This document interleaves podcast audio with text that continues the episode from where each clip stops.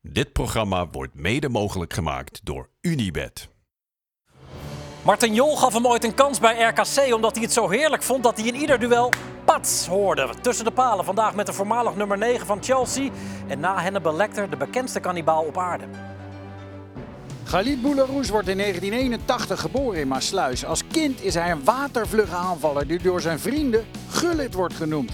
Gullit of niet, jeugdtrainers van Ajax, Haarlem en AZ zien in Boularus een verdediger. De jonge mandekker krijgt het zwaar voor de kiezen, maar richt zich uiteindelijk op in de luwte van Waalwijk. Als speler van RKC presteert hij het onmogelijke.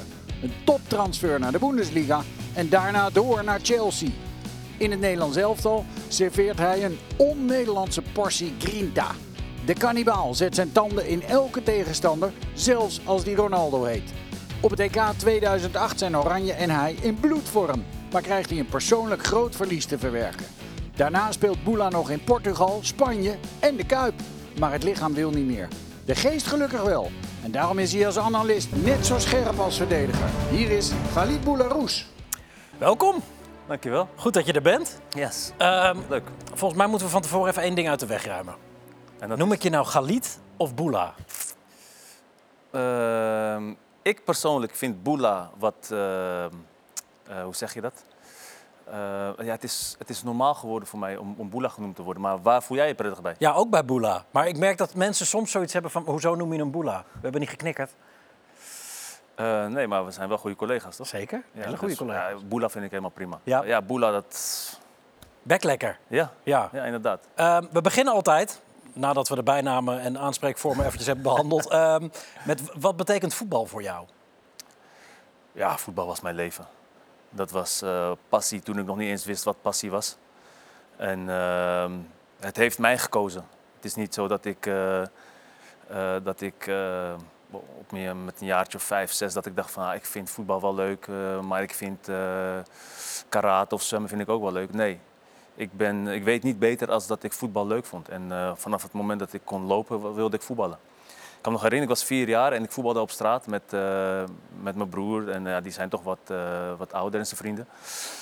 En eh, ik mocht toen nog niet op een voetbalclub, want je moest minimaal vijf jaar zijn. Dus ik moest wachten. En eh, ja, ik, ik deed niks anders. Is dit eh, die foto die we net voorbij zagen komen? Dat is Excelsior Maasluis, denk ik. hè? Ja, ja. Het mannetje links. ja, ik mis nog een paar tandjes, zie ik. Ja, maar Eh, kannibalentandjes, die moesten nog komen. Ja, en eh, ja, die sokken. En, maar dit was eigenlijk, ja, dit was ik. Voetbal maakte me zo gelukkig.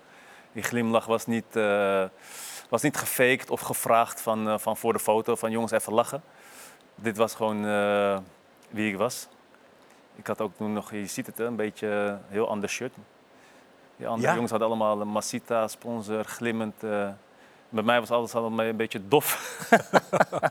Groot gezin. Het shirt werd gewoon doorgegeven. Ja, nee, nee, niet eens, maar het was, eh, ik- volgens mij heb ik het eh, gekregen. En, eh, mijn vader moest eh, destijds ook niks, eh, niks hebben van voetbal. Als het regende, dan werd ik, eh, werd ik thuis gehouden.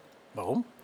Nou ja, dan kom je thuis met vieze kleren en er moet er weer een speciale was gedraaid worden. En eh, ja, we moesten echt ook een beetje op de kleintjes letten. Dus alles werd doorberekend naar, Ja. eh, naar rekeningen en, en, en, eh, en dergelijke. Dus dat was altijd wel een strijd thuis. Elf kinderen, toch? Negen kinderen en we waren totaal met Oh ja, z'n- met, met, z'n ja, elfen thuis. ja. Met z'n elfen thuis. Ja. Mooi. Gelukkig mannetje. Die Gullit werd genoemd. Ja, ja, heel grappig. Het slaat eigenlijk nergens op. Maar het had dus met mijn, niet met mijn looks te maken. Ook niet met Nee. mijn fysieke gesteldheid. Nog niet. Maar eh, dat had alles te maken met mijn naam Khalid. Ah ja. En eh, heel veel buitenlandse jongens, weet je, die noemden me eigenlijk een beetje op, eh, op zijn Arabisch Khalid. En ik was een enorme dribbelaar vroeger. Ik, ik, ja, een beetje pingelaar. En ik, ik, ik wilde de bal maar niet afspelen. Ehm, aanvaller. Dus en Gullit was, ja, die periode was een legend. En, ook met zijn haren natuurlijk en zijn snor. Heel herkenbaar. En zo, zodoende werd ik dus Gullit genoemd. ja. Dus Galit werd Gullit. Gullit werd Gullit, ja. En, en dat werd je idool. En dat werd mijn idool, ja.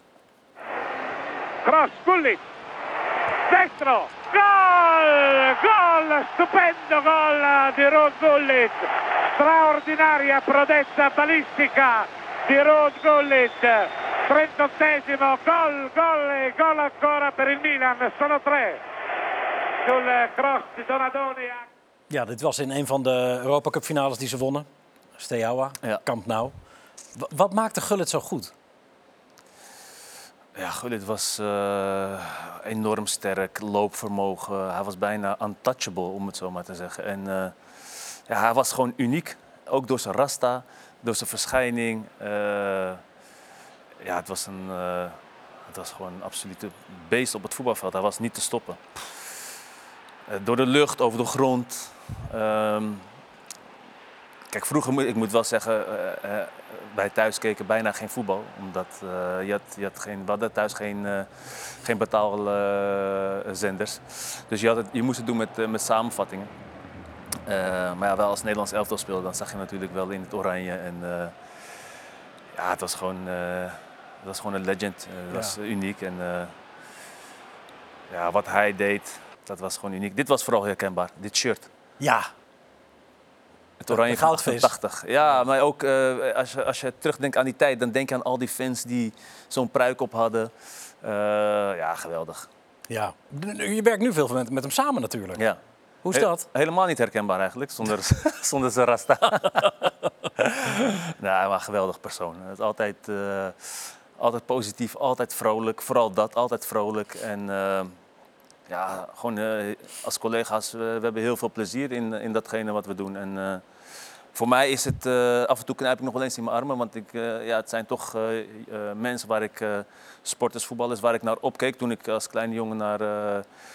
naar tv keek. En nu zit ik af en toe met hun aan tafel en dan moet ik af en toe een weerwoord geven. Dus dat is wel, dat is wel iets, iets aparts voor mij. Hier zit er nog één hoor. Ja. En ik kon niet eens voetballen. Eh, want we gaan eh, eh, een mooi uur tegemoet. met heel veel hoogtepunten en een paar dieptepunten uit je carrière natuurlijk. Waarbij je als favoriete trainer Martin Jol eh, noemt. Ja. Waarom? Ehm, nou, dat heeft ook een beetje te maken met de periode waarin ik zat. Ik kwam uit een hele moeilijke periode. Ehm, ik miste mijn vader enorm. Jouw vader overleed. Mijn vader overleed op 16-jarige leeftijd. En eh, twee jaar later ging ik, eh, ging ik naar RKC. En ik moet zeggen, dat eh, gebeurde door middel van een stagewedstrijd. Ik was niet in goede doen, fysiek gezien. Een beetje ziekjes, ik had geen kracht. Dus ik speelde die wedstrijd wel, maar ehm, ja, het sloeg eigenlijk helemaal nergens op. Dus ik dacht, nou, dit wordt helemaal niks. En, maar hij zei toch van, laat hem toch nog maar een keer terugkomen. Laat hem nog een wedstrijd spelen. Een beetje aansterken en kom dan terug. Hij zag wel wat in mij. Toen dacht ik bij mezelf, ja, maar wat heb jij dan gezien? Want ik zelf heb het niet laten zien. Twee weken later nog een wedstrijd spelen. Was ik alweer iets op krachten. Was weer een beetje bijgekomen. En eh, ik kon iets meer van mijn kwaliteiten laten zien. Maar nog steeds niet eh, de boela die ik zou moeten zijn. En eh, toen kreeg ik te horen van, joh, je mag bij RKC komen voetballen op amateurbasis. Of tenminste een amateurcontract. Dat was 500 euro destijds. En dan ben je welkom in het tweede team van RKC. Nou ja, ik had dus kunnen denken, ja, maar ik kom van AZ 2, eh, best een hoog niveau. En dan moet ik voor minder geld, moet ik bij RKC in het tweede gaan, eh, gaan voetballen. Ook, eh, ik moet ook weg van huis. Ik moet op mezelf gaan wonen. Hoe ga ik dat bolwerken, weet je? 500 euro op mezelf wonen, geen auto, wel auto. Oh. Maar dat, waren allemaal gedachten waar ik helemaal niet bij stilstond. Ik zei direct, dit ga ik doen. Weg uit de omgeving Amsterdam, weg van bepaalde vrienden. En ehm, ik was ergens eh, was ik gewoon overtuigd van dat, ik, eh, dat, dat het mij zou lukken. Ja, want hoe heeft hij jou verder geholpen? Eh, Door je eerst- te laten debuteren daar bij, bij RKC. En, nou, in eerste instantie begon ik dus bij het tweede. Dus ik had heel veel te doen met Tom Verkerk. Geweldige, geweldige trainer, geweldig persoon ook. Ik werd heel goed geholpen. Eh, maar ik kreeg daar eigenlijk een beetje inzicht in wat is nou een professionele voetballer? Wat is nou het, waaruit bestaat dat, het professioneel bestaan? en waar, moet je daarvoor doen? uit? Je moet, je moet aan jezelf werken. Je moet zowel op als buiten het veld, maar ook buiten het trainingscomplex, moet je ook eh, professional zijn. En dat waren allemaal dingen, ja, dat wist ik allemaal niet. Hoe je dat moest aanpakken en eh, wat je daarvoor moest doen, maar vooral wat je daarvoor moet laten. Dan hebben we het natuurlijk over het uitgaan en bepaalde dingen. Je moet je arbeidsrustverhouding moet, moet goed zijn. En daar hielp, hij, eh, daar hielp hij mij enorm mee. En, eh, en dat was niet altijd met een eh, eye over je bol. Hij was ook voornamelijk, hij was heel vaak kritisch. En ehm, Dat ging zelfs zo ver dat, dat we nabespreking hadden. Dat ik zeg maar als schuldig werd aangewezen voor een bepaalde situatie waar ik in mijn ogen niks mee te maken had. En toen kwam hij een keer naar me toe en zei die Boela, moet je eens luisteren, met die stem, moet je eens luisteren jongen. Die rasp. Ja. Hij zegt, als ik nou niks, eh, als ik nou niks in je zie, eh, dan zeg ik niks tegen je. Hij zegt, dus dit moet je positief opvatten. Toen dacht ik, ja, dat, dat, dat wil ik wel begrijpen, ja. En toen dacht ik, vanaf dat moment dacht ik, kom maar op met de kritiek. Ik snap het. Weet je, kom maar op met kritiek. Ik ga zelf zoeken wat ik hier nog wat beter had kunnen doen. Ja, en zodoende eh, opende hij mijn ogen. Ook conditioneel. Ik was echt, eh, echt zwaar belabberd. Maar hij, hij hielp me overal mee. Weet je. En dan liep ik naar huis en dan had ik, dacht ik van... ah, ik heb één keer getraind, weet je. Ik voel me satisfied. Ik ga lekker naar huis, lekker rusten. En dan liep ik langs zijn kantoor en dan zat hij daar met zijn sigaar, met zijn voetjes zo over zijn bureau heen. Godvader. En dan dacht ik, weet je, ik, hij, hij mag mij niet zien. Ik denk, ik loop met een aantal jongens mee, een beetje achter hun, zodat hij mij niet ziet. En toen dacht ik dat ik er voorbij was en dan hoorde ik, Boela, ga nou lopen, jongen. Lopen. en toen dacht ik, oh shit. En dan moest ik weer terug naar de kleedkamer. Ging me weer omkleden. En eh, ja, dan ging weer lopen. en dan ging ik weer voor mezelf eh, trainen. Of het nou de gym was, of op het veld eh, voorzetten oefenen, of de traptechniek oefenen, of conditioneel. Maar dat was allemaal eh, dankzij hem. Hij opende echt mijn ogen. En het, eh, af en toe met een aai over mijn bol. En af en toe pakte hij me echt aan. Het bracht je naar HSV. Naar Ja. Hamburg, naar de Bundesliga. En van HSV ging het naar Chelsea. Ja. Op dat moment. En nu nog steeds natuurlijk de, de absolute top. Ja. Wereldtop. Eh, en bij Chelsea speelde je eh, een van je mooiste wedstrijden tegen Barcelona. Eerst even kijken. Barcelona had het niet makkelijk. Kwam nauwelijks aan voetballen toe. Maar als het dan wel voetbalt, is het ook direct gevaarlijk en goed. Dit was een kans voor Xavi, die koos voor de korte hoek vlak voor rust. En ineens is het ook één keer raken aan de andere kant namens Chelsea. De voorzet van Essien draait voorlangs. Lampard. En hier Drogba. Drogba met de 1-0 direct na rust. Prachtige goal van DJ Drogba. Die vlak voor rust nog enige tijd eh, geblesseerd op het veld had gelegen. En nu op het veld ligt om zich te laten verteren door zijn ploeggenoten. 1-0 voor Chelsea. Direct aan het begin van de tweede helft. In de basis bij Chelsea, rechts aan de buitenkant in de verdediging, Boularus die een uitstekende wedstrijd speelde.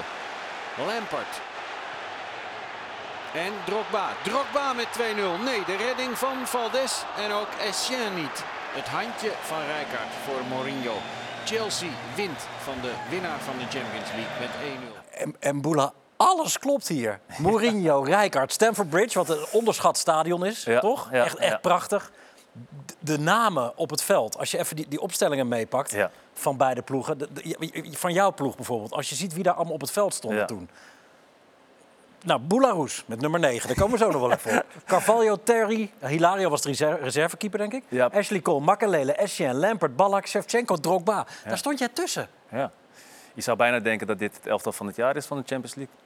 Ja, inclusief jij. Ja, nee, ja, soms stond je op het veld en dan keek je zo en dan eh, dacht je bij jezelf, ja, is dit echt? Weet je, is dit... Ja, je, je, je staat af en toe stil bij het moment van... Je blikt dan heel even snel terug naar dat je een kleine jongen was, dat je op straat voetbalde. En nu sta je tussen eh, al- alle grote sterren van het eh, mondiale voetbal. En eh, ja, dit, was, dit was echt een geweldig elftal, zowel op als buiten het veld. En dat was gewoon echt genieten. Ja, tegen Barcelona. Ja. Die pakken we er ook nog even bij. Gewoon om het af te maken. Ja, maar echt. Valdes, Zambrotta, Marquez, Puyol van Bronckhorst. Ed Ja. Nilsson, ook geen verkeerde voetballer. Chabi, Deco, Johnson, Ronaldinho, Messi. Ja, Jij stond op Ronaldinho. ja, Dit, dit, was, dit was op dat moment het allerbeste voetbal van de wereld. ja, En jij kon erin mee, ja. toch? Ja, ja, zeker. Maar hiervoor, voor deze wedstrijd, had ik een gesprek met Mourinho en die kwam toen naar me toe. Eh, want ik kwam laat, laat in het seizoen. De competitie was toen al begonnen. Net voor, eh, ik denk half augustus kwam ik. En die vertelde me toen van eh, rustig aan, weet je, eh, inpassen in het team, integreren en dan eh, jou- jouw kans komt wel. En toen kwam mijn kans, want hij was niet tevreden over Carvalho. Dus zei hij van, joh, jij speelt eh, tegen Reading speel jij centraal. Maar als je dat goed doet, dan blijf je ook centraal staan. Want eh, midweek spelen we tegen Barcelona en daar speel je dan ook centraal. Nou, hij speelde een goede wedstrijd, we wonnen 1-0. En toen dacht ik, lekker, weet je, op mijn favoriete positie tegen Barcelona, tegen ETO. Die achteraf, eh, die deed dus niet mee. Nee, Gut Johnson speelde dus. Maar eh, genoeg geweldige spelers daar bij Barcelona eh, op het veld. En ik dacht, ja, dit gaat hem helemaal worden. En toen was het zondag, de dag na de wedstrijd. We waren wat aan het dollen met Terry en Drogba in een massagekamer. En toen werd ik vanuit de gang werd ik geroepen door Mourinho. Boela, come to my office. Nou, dan ging ik zitten in zo'n hele leren diepe kuipstoel, zat ik helemaal weggezakt. En hij begon een verhaal te vertellen over eh, Barcelona de afgelopen jaren. Dat was toch een belangrijke clash. En eh, nou, op een gegeven moment ging het van Barcelona ging het naar eh, Ronaldinho. Een belangrijke speler en weinig spelers die, die hem uit de wedstrijd konden spelen. En ik zat maar te denken, waar wil je nou naartoe jongen? Vertel het me nou gewoon. Want ik ben de weg een beetje kwijt. Op een gegeven moment zei hij tegen mij, can you play Ronaldinho? Toen dacht ik, "Ah, wacht eens eventjes. Dat is niet de afspraak die we hebben gemaakt. Toen zei ik tegen hem, ik zeg maar, you told me I will play center back. Yeah, yeah, yeah, but Ronaldinho is the most dangerous player. En eh, ik zoek toch iemand die hem uit de wedstrijd speelt. Ik zoek niet iemand die shirts met hem gaat wisselen na 45 minuten. Toen zei ik tegen hem, eh, ik zeg, eh, Bos, I don't talk to players. Ik ben niet om een shirtje te wisselen, ik ben hier strictly business. Maar die vraag bleef uit. Ik denk, nou, weet je, ga ik dan toch centraal spelen? Zei hij, eh, so can you play Ronaldinho or not? En toen dacht ik in een split second, als ik nu nee zeg, kan ik mijn koffers pakken? En als ik ja zeg en hij speelt me helemaal, eh, helemaal gek, dan kan ik ook mijn koffers pakken. En hij was de beste van de wereld op dat dat moment. Messi mij- was nog piepjong. Hij was volgens mij wereldvoetballer van het jaar, geloof ik. En, eh, Maar je speelde goed. en toen zei ik tegen hem, zei ik tegen de trainer, is goed, ga ik doen. Ja, en toen ben ik, toen ben ik naar huis gegaan. En toen heb ik letterlijk al zijn bewegingen, zijn lichaamsbewegingen, ben ik, eh, ben ik gaan eh, bestuderen. Ja. En toen dacht ik, eh, toen kwam ik er, toen dacht ik het middel te hebben om hem te verdedigen. En dat was gewoon de hele wedstrijd kort zitten. Letterlijk, niet uit oog verliezen. De hele wedstrijd, laat hem maar, laat hem maar irriteren. En ik kan me nog herinneren dat Gio tegen mij zei na de wedstrijd... ja, ik vertelde, ik sprak Ronaldinho voor de wedstrijd. En Gio wilde hem vertellen van, ja oké, Boula is zo'n soort mandekker en dit is wat hij doet. Kadibaal. En toen zei hij tegen hem, eh, ah Gio, ah, kalma, ah, kalma. Weet je, ik ben wereldvoetballer van het jaar, wat ga je me nou vertellen over Boularoes? Maar tijdens de wedstrijd raakte hij steeds meer geïrriteerd. En je zag ook dat hij op een gegeven moment steeds meer naar het midden ging trekken. Nou, en dat, ik wist van aanvallers, als ze vrijheid zoeken, gaan ze steeds meer naar, de, naar, de, naar het centrum trekken. Om- Maar jij moest hem gewoon overal volgen. ik volgde hem gewoon overal. Ja, op een gegeven moment werd hij ingespeeld.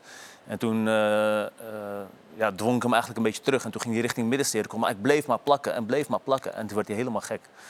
En raak geïrriteerd die wedstrijd. Maar het was inderdaad was het, eh, van mijn kant een, eh, een, een hele goede wedstrijd. En eh, voor mij, waarom is dit misschien wel de mooiste wedstrijd die ik eh, heb gespeeld? Mijn moeder was ook aanwezig in het stadion. Hmm. En eh, zij hield helemaal niet van de drukte. En, eh, maar die dag was ze erbij. Het was best wel grappig, want je hebt natuurlijk die Champions League hymne. En dan sta je daar en op een gegeven moment groet je het publiek. En zij dacht echt dat, eh, dat we allemaal naar haar aan het zwaaien waren. Dus zij terugzwaaien. dus maar dat was, eh, nee, dat was oprecht. Was Ma maakte dat je extra goed? ja, ja, ja dat, dat gaf nog een, nog een extra motivatie mee om, om mijn moeder niet teleur te stellen. Maar ik had zoveel eh, motivaties die dag. Ehm, ik was goed voorbereid. Ik was rustig. Ik had mijn huiswerk gedaan. En eh, ik was gewoon op alles voorbereid. En toen wist ik ook van, eh, weet je, kalm, relaxed. Je gaat een goede wedstrijd spelen. Ja. Je weet wat je moet doen. Een paar maanden daarvoor, WK. Ja. Slag- van Nuremberg. Komt-ie. Ja. Oeh, Boularoes. Kan je ook geel kosten. Gevaarlijk spel. Het gaat om geel kosten. Ja. Een strekbeen, veel te hoog. Vooruit. Cristiano Ronaldo. Die heeft de handtekening nu van Galit Boularoes. En de spits Pauletta, Mahane. En daar gaat een grote kans komen voor Portugal. En erger dan dat. Een goal weer van Maniche. Hij trof ons ook al in het hart twee jaar geleden in Lissabon. En nu doet hij dat weer. Figo loopt tegen Boeleroes op. En er gaat dan theater. En rood. Kijk eens, helemaal niets. Helemaal een schande. Ja, ik raak hem wel dus. Jordi. Maar kom je daar nu pas... Je zegt, ik raak hem wel dus. In mijn beleving raakte ik hem helemaal niet. Nee? gewoon. Helemaal niet. Maar het, het is 2024 bijna. Ja, maar ik ga even terug naar dat Ja, moment. ja, ja, nee, tuurlijk. Maar Nee, dat je daar nu pas achter komt. Omdat ik nu pas voor het eerst eh, de beelden van, vanuit die hoek zie.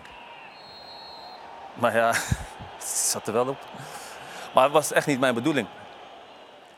En het klinkt een beetje raar. En mensen, ja, als ik dat tegen mensen zeg, dan eh, kijken ze me aan en denken ze... ja, wie probeer je voor de gek te houden? Ook met die eerste overtreding. Als ik dan zeg, ja, ik probeerde echt een tactische overtreding te maken. Ik wilde voor de bal gaan, maar ik dacht... als ik, als ik niet voor de bal, of als ik de bal dan niet raak... maak dan in ieder geval een tactische overtreding.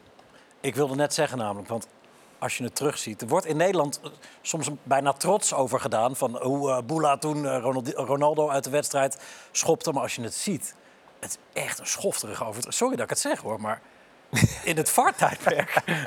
Oh, oh, oh. Ja, ik snap wat je bedoelt. Maar eh, nee, ik schaam me niet. Ik schaam me niet. Eh, ik bedoel, bij Portugal lopen er ook een aantal rond die eh, ja, ook best wel overtredingen van dit soort kaliber hebben gemaakt. Maar goed, je, je was aan het zeggen inderdaad van het was ook niet je bedoeling. Het is moeilijk uit te leggen als je. de- Kijk, als ik mijn verhaal vertel in combinatie met de beelden, is het echt heel moeilijk uit te leggen. Maar ik moet heel goed gek zijn als ik op zo'n toernooi, zo'n wedstrijd, waar voor mij persoonlijk helemaal niks aan de hand is, eh, met die gedachten rondloop om te zeggen van nou, ik ga hem maar blesseren.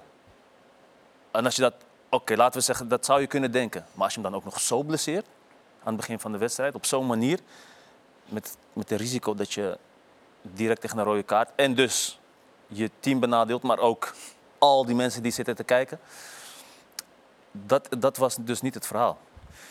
En ik wilde in principe wilde ik de, de bal wegtikken. En dit is niet raar voor mij, want ik, ik was wel vaker iemand die op die hoogte een bal weg wilde tikken. Want ik was niet iemand die alleen maar ging schermen, maar ik wilde er ook voorkomen, ertussen komen zien we net bij Ronaldinho ook, hoe je dat deed. eh, de, ervoor springen. En, eh, dus vanuit mijn gedachten was ik, schrok ik, nou ja, niet schrok ik, maar ik was een beetje verrast dat ik geel kreeg. Maar bij nader inzien van de beelden mag ik wel eh, blij zijn dat het eh, daarbij gebleven is. hè. 16 keer geel, Ja. 4 keer rood. Hadden- hebben jullie instructies gekregen van Van Basten voor die wedstrijd? Van, Nee. klap er maar op, het zijn Portugezen, die gaan zelf ook. Nee. Nee, dat niet. Maar ehm, kijk, je weet wel dat je tegen Portugal eh, goed voor de dag moet komen. Mentaal, maar ook zeker fysiek. Je weet dat het een strijd gaat worden.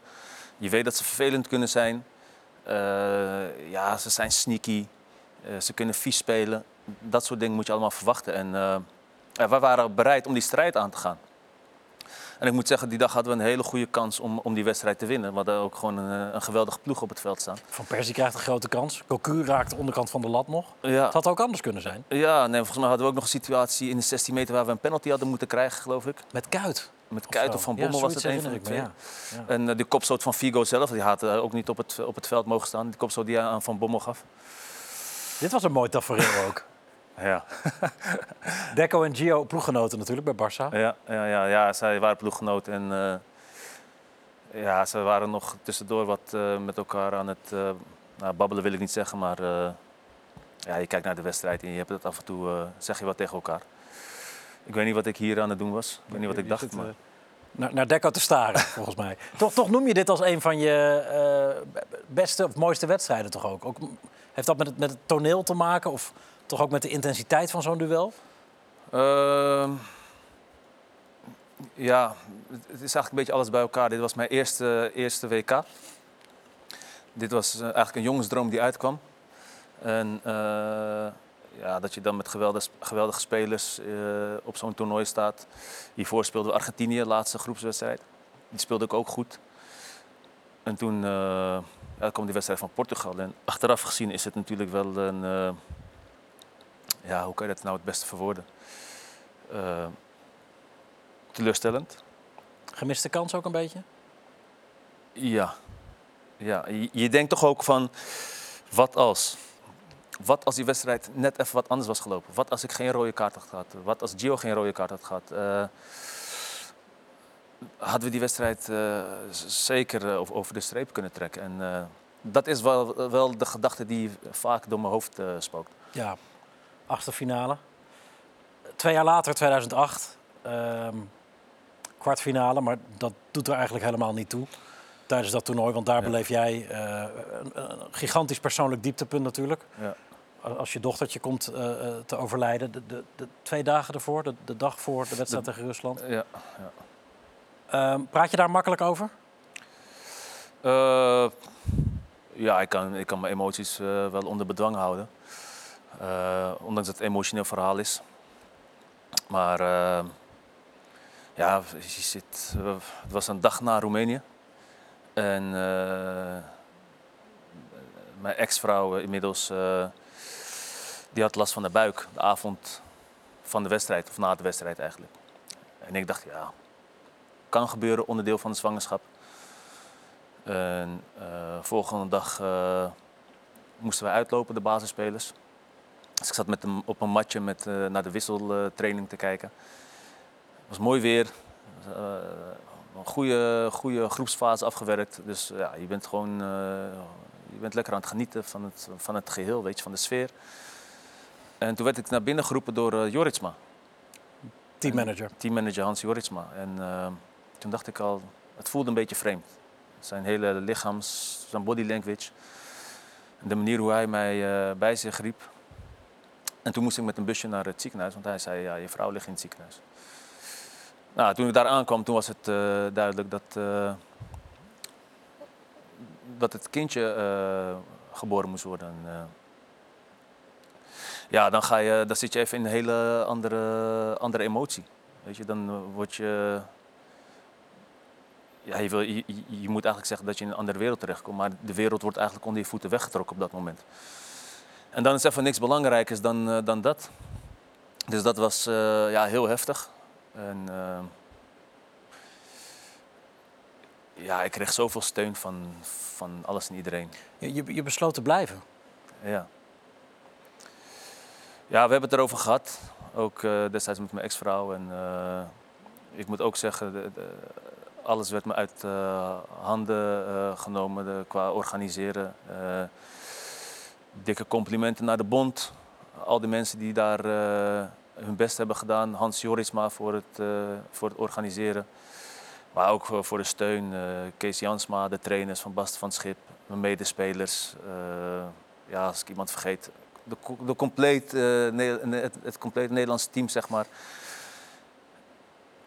Ja, en ik kreeg de vraag van Van Basten, ja, wat wil je? En ik wilde eh, gewoon doorgaan. Omdat eh, ik voelde gewoon dat, er, dat het, eh, het is gebeurd.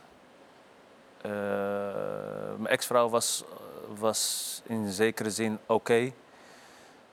Ehm, want bij haar waren ook nog complicaties natuurlijk. Er, was ook nog, er werd ook nog gevreesd voor haar gezondheid, maar dat was gelukkig allemaal oké. En met, eh, ja, met de organisatie was, het, eh, was er een soort van rust. Dus ik, eh, ik moest de keuze maken wel of niet doorgaan. En ik had de keuze gemaakt puur gewoon op gevoel. Dat, om, om door te gaan. En de steun kreeg ik ook vanuit, vanuit het team, vanuit de technische staf. Dus ja, toen ben ik teruggekomen bij de groep en toen heb ik de groep aangesproken van niet anders doen als wat we hiervoor deden. Dit is gebeurd. Eh, ik ben niet zielig. Weet je, dit gebeurt bij meerdere mensen over, over heel de wereld. Voor, voor, voor de goede orde, want de, de bevalling was veel te vroeg en je dochter heeft uiteindelijk niet, niet gered. Ja. Dat is wat er Ja, gebeurde. vijf, eh, vijf maanden was het eh, te vroeg. Mijn dochtertje is wel levend geboren. Het hartje heeft nog 30, eh, 30 minuten geklopt. Maar het was, gewoon, de organen waren te zwak om, om, het, om het te redden, zeg maar. En, Hoe, hoe, hoe is het dan om zo'n wedstrijd eh, te spelen, terwijl je ja. alle, misschien alleen fysiek op aarde bent op dat moment? Eh, ja, ik had, de, ik had de keuze gemaakt. Ik had de keuze gemaakt om daar te blijven. En dan ben je ook. eh, dan moet je ook volwassen genoeg zijn en professioneel genoeg zijn om, eh, om, om eh, ja, hoe moet ik het goed zeggen, joh? Je moet present zijn. En niet alleen fysiek, maar je, je dwingt jezelf om ook eh, mentaal en geestelijk, zeg maar, dat te geven wat je vo- daarvoor ook hebt gegeven. Is dat niet te hard voor jezelf? Ehm, ja, misschien moet je voor jezelf op dat moment hard zijn, omdat je die keuze hebt gemaakt. En ik had ook het gevoel dat ik, dat, dat, het, dat, dat ik het kon. En, eh, juist omdat alles eromheen mij een soort van rust gaf. Dat alles goed geregeld zou worden en eh, mijn dochtertje eh, goed eh, begraven zou worden. Van A tot Z, alles was echt tip-top eh, geregeld. En neem niet weg dat mijn gevoel nog steeds aanwezig was, alleen die moest ik even parkeren. En naar mijn idee ehm, kon ik dat redelijk goed. Ik heb natuurlijk, nou ja, het- is wel wat anders, maar ik heb mijn vader natuurlijk verloren op eh 16-jarige leeftijd.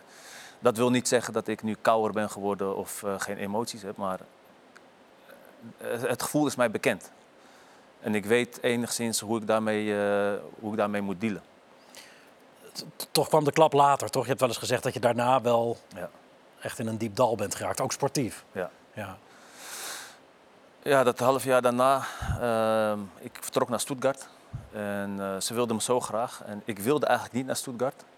En dat heeft gewoon puur te maken met eh, het gevoel wat ik bij die club had. eh, op basis van die twee jaren dat ik bij HSV speelde. Er was altijd gezeur bij die club. eh er heerste een bepaalde negativiteit. wat je dan meekrijgt vanuit de media. Dus dat beeld heb je dan. En, maar de club wilde zo graag. En toen heb ik ook op een gegeven moment gesproken met hun van, joh, weten jullie wel wat jullie in huis halen? Want dit is de situatie waarin ik zit. Eh, ik ben nu pas ben ik echt dingen aan het verwerken en eh, ja, ja, dat heeft effect op mij, eh, fysiek en, en mentaal. En, maar ze begrepen het en er werd rekening mee gehouden. Ja, en dan kom je dus bij de club en dan begint zo'n fase en dan ja, dan is het toch, uiteindelijk is het big business. Er moet gepresteerd worden. Er moet gepresteerd worden. En ja, voor mij was het gewoon moeilijk om al die factoren eh 100% te hebben. Eh, ik was niet 100%. Eh, op de club niet en als ik thuis kwam niet. En dat, eh ja, dat, dat vrat zoveel energie van mij dat ik op een gegeven moment... was er een training en ik ging als eerste naar buiten. En ik stond op het veld en ik keek naar het trainingsveld en ik dacht bij mezelf... Hoe ga ik deze tra- training volmaken? Ik heb de energie niet.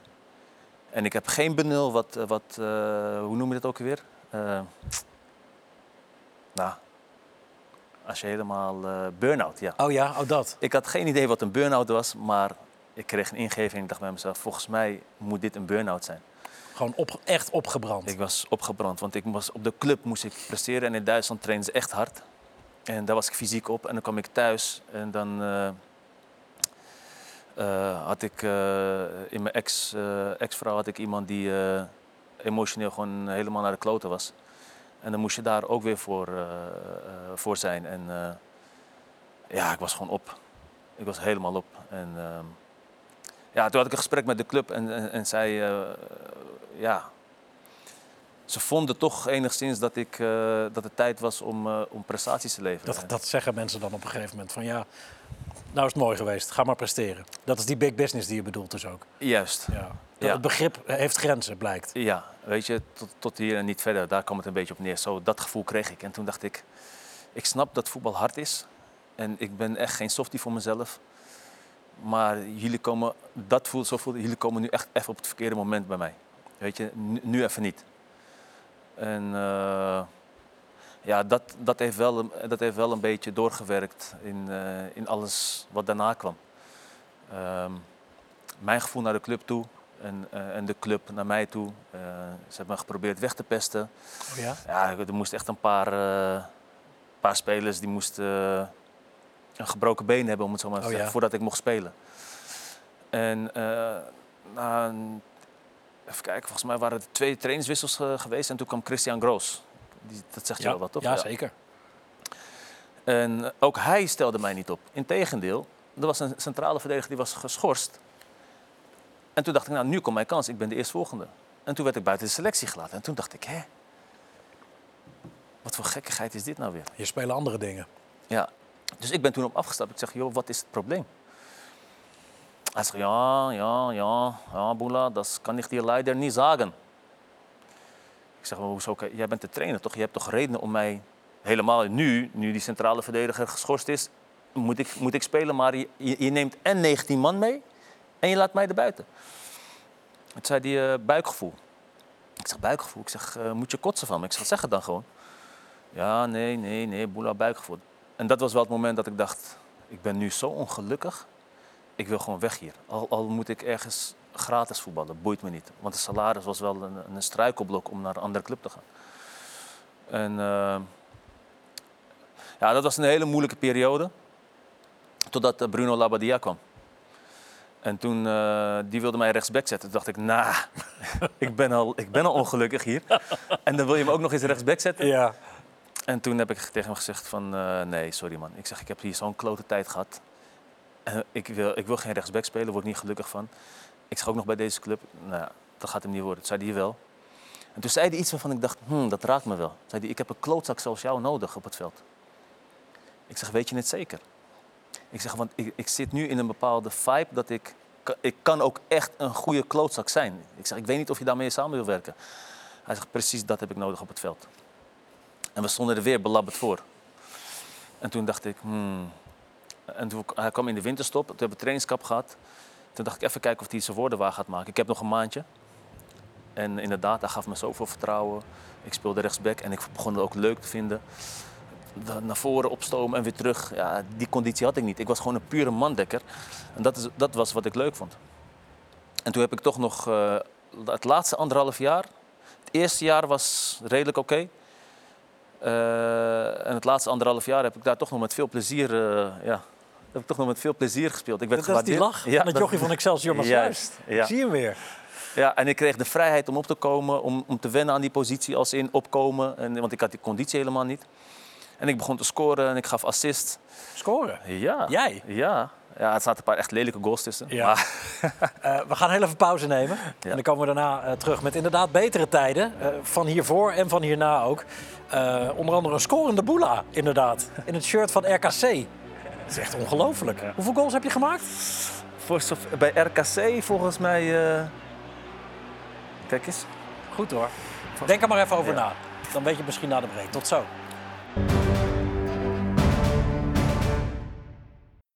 Dit programma wordt mede mogelijk gemaakt door Unibed.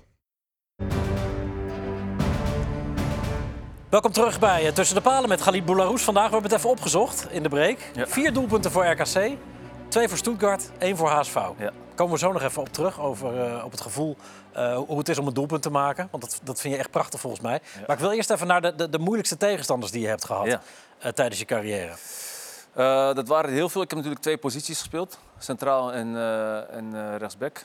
Ehm, maar dan ga ik voor de positie rechtsback, omdat je daar vaak één tegen één eh, komt te spelen. Met dit soort volk. En dan kom ik toch uit bij ja, dit soort volk. Ja. ja, twee bandieten op het A- voetbalveld. allebei heb je ze Alle- gekozen voor de duidelijkheid. Ja, Robben en. Ribéry. Robbery. Ja, omdat eh, Arjan heb ik eh, in Nederland tegen gespeeld. Eh, ik heb met hem samengespeeld bij het, Nederlands elftal in Chelsea. En, en ik heb gezien wat hij met tegenstanders heeft gedaan. Van dichtbij, ja, dat is echt, echt belachelijk. En ja, dat was niet normaal. We gaan eerst even kijken. Robben. Robben komt een heel eind. Robben, Robben. Het schot van Robben. Oh, heerlijke goal. Arjen Robben. Wereldgoal van de Nederlander.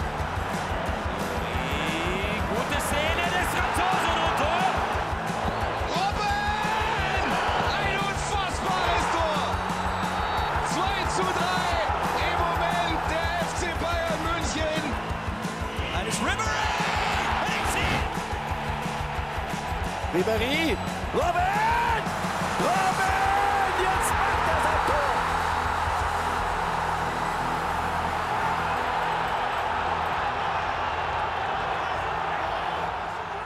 Ja, dit was zijn mooiste moment. Mr. Wembley, sindsdien.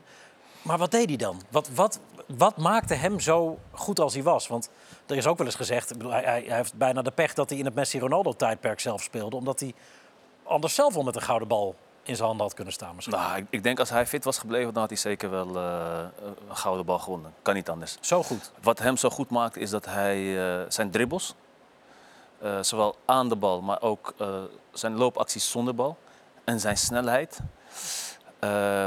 en dat was het gevaarlijk bij hem. Zijn snelheid, maar hoe hij ook vanuit maximale snelheid in één keer kon remmen. Ja, en ik heb echt af en toe moeten, moeten remmen. En de glijder heb ik zo'n heel stuk, eh, heel, heel- ja, heel zo'n plak gras uit het, uit het, Ja. uit het gras gegleden. Roodrunner Ja, zo, echt zo'n tekenfilm. Nou ja, dat, Zo het ravijn in. nou, dat, dat idee had, je, had ik bij hem. En dan voelde je echt al je liezen op spanning staan. Dus hem moest je fysiek maximaal zijn. En dan moest je vanuit stilstand moest je weer accelereren. En dat in combinatie ook nog met, eh, met eh, richtingveranderingen. Ja, dat was echt eh, was niet normaal. Is dat, want hij- hij is ook de man van glas uiteindelijk, die heel veel gemist heeft door blessures. Ja. Maar, want jij zegt, je begint al over je eigen liezen. Ja. Maar die van hem hebben dus ook wat te verduren gehad door zijn speelstijl dan waarschijnlijk. Dus. Ja, nou ja, als, als, ik, als ik denk wat ik, wat ik voelde als ik tegen hem speelde, dan, eh, dan kan ik best begrijpen dat, dat zijn spieren ook wel eens zeiden van... Hey Arjan, tot hier en, en niet verder. Maar het is even genoeg geweest zo. Ja, je bent te goed voor je eigen lichaam eigenlijk. Ja, dat was echt... Ik heb dat niet bij een andere speler zo meegemaakt. Maximale snelheid, maximaal remmen. En dat gepaard met eh, techniek, richtingveranderingen. Je, je kon je niet focussen op één iets. Bijvoorbeeld dat je kon zeggen van... Oké, Arjan Robben die gaat eh, alleen maar diep zonder bal. altijd naar binnen, toch? Ja, ja, maar op, rechts, op, op linksbuiten. Op rechtsbuiten gaat hij... eh, Ja, ja, precies. op eh, rechtsbuiten gaat hij naar binnen. Ja. Maar hij speelde ook wel eens linksbuiten tegen mij. Ja, en dan was het gewoon, eh, dat was echt killing, man. Dan was je echt, eh, na de training was je echt back af. Ook bij het Nederlands elftal, als hij dan die acties weer inzette. En als we 11 tegen 11 speelden, ja, dan wist je van, eh, dit wordt echt, dit wordt echt stomen. Ja. En En Ri- Ri- Ribéry? Ribéry, ja, idem dito. Alleen de andere kant, die speelde dan met, met zijn rechterbeen. Vaak naar binnen, maar ook zonder bal. Altijd in beweging, buitenom in de diepte, binnendoor in de diepte, in de bal, acties maken op snelheid. Ook weer kappen, draaien. Het was... eh, Ik heb veel wedstrijden tegen Ribéry gespeeld en ik ben... eh, ik, heb, eh, ik heb altijd wel goede wedstrijden gespeeld, maar er was één wedstrijd. Ik kwam terug van de blessure met Stuttgart en toen moesten we, moest ik ook tegen Ribéry staan. En toen kwam ik, begon op de bank, ik kwam terug van de blessure. En toen moest ik in de rust moest ik invallen. Ja, de- mijn lichaam moest dan warm draaien. En als je dan gelijk maximaal tegen zo'n speler moet staan. Ja, en toen merkte je wel bij Wende en Keer, dacht ik ook weer, ja... Oké, Boula, je bent nog niet helemaal... Je bent wel fit, Ja. medisch gezien. Maar wedstrijdfit, en maximaal fit om deze gozer uit de wedstrijd te spelen, dat ben je nog niet. Ribéry fit. Dat is nog weer wat anders dan Ribéry- gewoon fit. Ja. ja. Nee, maar deze gasten waren echt eh, exceptioneel. Dat is Ja. echt eh, buiten categorie. Eh, we zagen voor de break al een doelpunt van jou. Ja. Een van je zeven dus, in je hele carrière. Maar je gaf ook aan dat, dat niets in het voetbal je zo'n goed gevoel gaf. Terwijl jij dus inderdaad een mandekker was. eh, Mensen uitschakelen, opvreten, kannibaal. Maar dat scoren, dat, dat dat met niets te vergelijken is. Ja, dat Dat was- gevoel. Ja, deed me weer denken aan mijn beginjaren toen ik begon met voetbal. Toen ik echt nog een kleine jongen was. Dat was wa- waarom ik voetbal op straat speelde. Het scoren, het dribbelen. En ehm, ja, toen ik betaald voetbal ging spelen, toen eh, deed ik dat eigenlijk helemaal niet. En bij RKC mocht ik dan, eh, werd mij gevraagd of ik voorin, voorin wilde spelen. Eh, ik ga je het verhaal besparen waarom, dat, waarom die gedachte kwam bij Martin Jol. Maar dat, heb ik Korte versie? ja, op de training raakte ik een beetje verveeld van, van, van de spitsen. En ik ging altijd mee naar voren om, om een beetje plezier eh, uit, uit de training te halen. En ik bleef ik voorin hangen. Kappen, draaien, acties, combinaties, scoren. Vond ik helemaal geweldig. Ik kreeg daar eh, zo'n voldoening van. En Martin Jol die zag dat. Dus die zag dat ik een actie kon maken, dat ik snelheid had. En die vroeg van, eh, joh, ik ben niet tevreden over de spits. Wil jij, eh, wil jij in de spits? Ik dacht, Ja. ik dacht dat hij een grap maakte. Was Ricky Hogendorp toen, denk ik? Ja. Ja, dat was een goede spits. Zeker weten. Alleen die had even toen, ja, die was even, had, had even minder vorm. En dat kan, wat, wat heel normaal is. Alleen eh, dat de trainer dan bij mij uitkwam. En volgens mij was Iver dan was geblesseerd. Ook een goede spits. En we hadden nog een andere spits, Jo- Jochen Jansen. Een, Belgische spits. En, Ja. eh, maar goed, de trainer kwam bij mij uit. En ik dacht, nou, voor één wedstrijd kan geen kwaad. En, moet je kijken wat er gebeurde. Carlsen. Wacht het te lang. Boetehar ziet Boularus. Goed gegeven. Boularus. Boularus, de kans. Boularus, goed afgemaakt. Hij speelt dus voor Rick Hogendorp. En hij scoort wat Hogendorp niet lukt bij RKC. Dus is een gouden set van Jol om Boularus op te stellen. Het is 1-0 en dat is verdiend voor RKC na 20 minuten spelen. Ja, Dat is geweldig. een goede goal, man. Een spitse doelpunt echt, toch? Met rechts, heel rustig. Ja, je moet eigenlijk, eh, als je kritisch gaat kijken, moet je naar mijn loopactie kijken. Ja, dat gaat mij te ver. ik kijk alleen naar het afronden. Nee, maar dit, wat- dit gaf mij... eh, als, als ik scoorde, ik vergat wie mij de assist gaf. Ik vergat waar ik was. Ik was gewoon super blij dat ik had gescoord. En dat, en dat ik vergat wie de ass- assist had gegeven, dat, eh, dat was niet opzettelijk. Of dat ik niet gunde of wat dan ook. Maar het gaf mij zo'n gevoel. Ik was helemaal in de wolken. En die vreugde, dat moest eruit. Ik wist ook niet wat ik ging doen, hoe ik ging juichen. Het was dat, dat shirt over je hoofd, Ja, wat er- sixpack showen. Nou, ik deed toen niet eens aan krachttraining, maar eh, ja, dat was gewoon, eh, ik was gewoon een nieuw mannetje toen. Maar eh, ja, dat is lachen en genieten tegelijk. En toch belandde je weer achterin, de rest van je carrière. Nou, dat kwam omdat ik had toen, dit was een van mijn eerste goals geloof ik, en ik scoorde er vier. En na een wedstrijdje of twaalf eh, kwam mijn manager, die zei, Roger Linsen, die zei van, joh, er komt morgen een club voor je kijken. Dus ik dacht, een club voor me kijken? Hmm. Dus ik vroeg als verdediger of als aanvaller. Zei hij, ja, je speelt nu toch als aanvaller? En toen dacht ik, ja, en het was Everton. Oeh. Toen dacht ik, ja, Premier League en ik heb, ik heb geen goed fundament als aanvaller. Want ik ben, ja, weet je, pluk de dag. Ik heb nog geen echt houvast om een goede spits te zijn. En toen ben ik naar Martin Jol gegaan. Toen heb ik gezegd, joh Martin, dit is mijn laatste wedstrijd als uh, voorhoederspeler. Daarna wil ik terug naar achter, want ik wil carrière maken. En dat uh, zo gezegd, zo gedaan. Dus toen ben ik weer terug naar achter gegaan. En uh, ik had daar het idee dat ik, ja, dat ik gewoon een betere carrière kon maken dan, dan als aanvaller. Nou ja, gelukt. Toch? Uiteindelijk, ja. Ben je tevreden met je carrière? Heb je, heb je er meer uitgehaald dan er, dan er op voorhand in leek te zitten? Voor je gevoel? Um, als ik kijk als kleine jongen, als je dan droomt van ik wil profvoetballer worden en uh, dat is mijn droom, want dat is mijn passie en dat, was, dat is wat mij gelukkig maakt. Zeker, maar along the way, als je dan voelt hoe goed je kan zijn, dan denk ik dat ik daar iets meer uit, had kunnen halen. En dat heeft voornamelijk te maken met de, de blessures die, uh, die ik dan had. Uh, die mij dan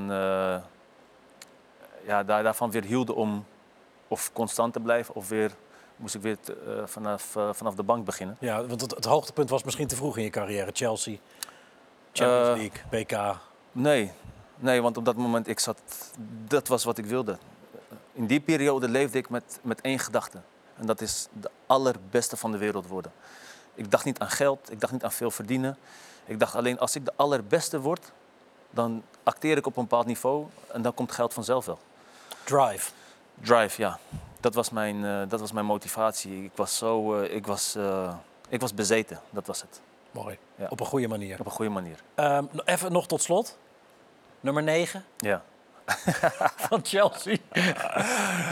ja, voor velen een verrassing. Maar ja, ik, ja. zag net al dat ik met nummer 11 goals maakte. Dus ja. Ja, misschien dat ik met nummer 9 ook wat goals mee kan pikken. Nee, was ja, die, die Kidman. Die, die zei tegen mij van, wat voor nummer heb je? Want de deadline die was uh, de volgende dag. En, uh, dus ik vroeg uh, welke nummers heb je beschikbaar? En zoveel spelers, 30, 45 begon. Ik dacht, ja, dat, dat doet me meer denken aan American voetbal. Daar ga ik niet mee rondlopen, weet je. Die en number 9. Ja, ik weet, niet wat, ik weet niet wat mij bezielde op dat moment. Maar ik, ik nam nummer 9 en ja, ik, ik vond het prima. En toen kwam Mourinho binnen. En die zei van, je hebt nummer 9 genomen.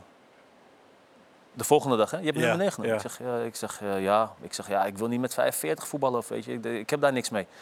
Toen zei hij, ja, but number 2 is also available. Serieus? Toen dacht ik, ah, ja, dus sloeg ik me voor mijn kop. Ja, ik keek naar die kidman. Ik zeg, maar waarom kom je niet met nummer 2? Hij zegt, sorry man, dat was ik helemaal vergeten. Echt? Ja. Dus uh, ja, dat was eigenlijk het verhaal van nummer 9. En uh, geen goals gemaakt. Nee, maar wel een legendarisch verhaal. ja. Dat was hem.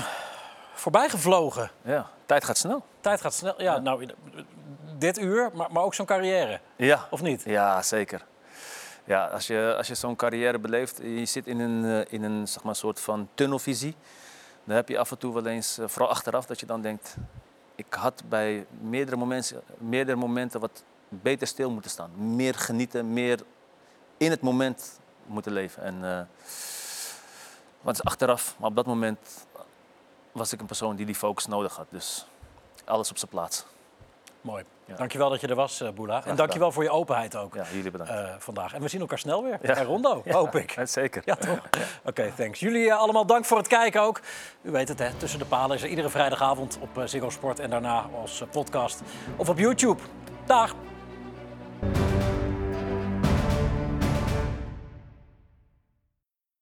Dit programma werd mede mogelijk gemaakt door Unibed.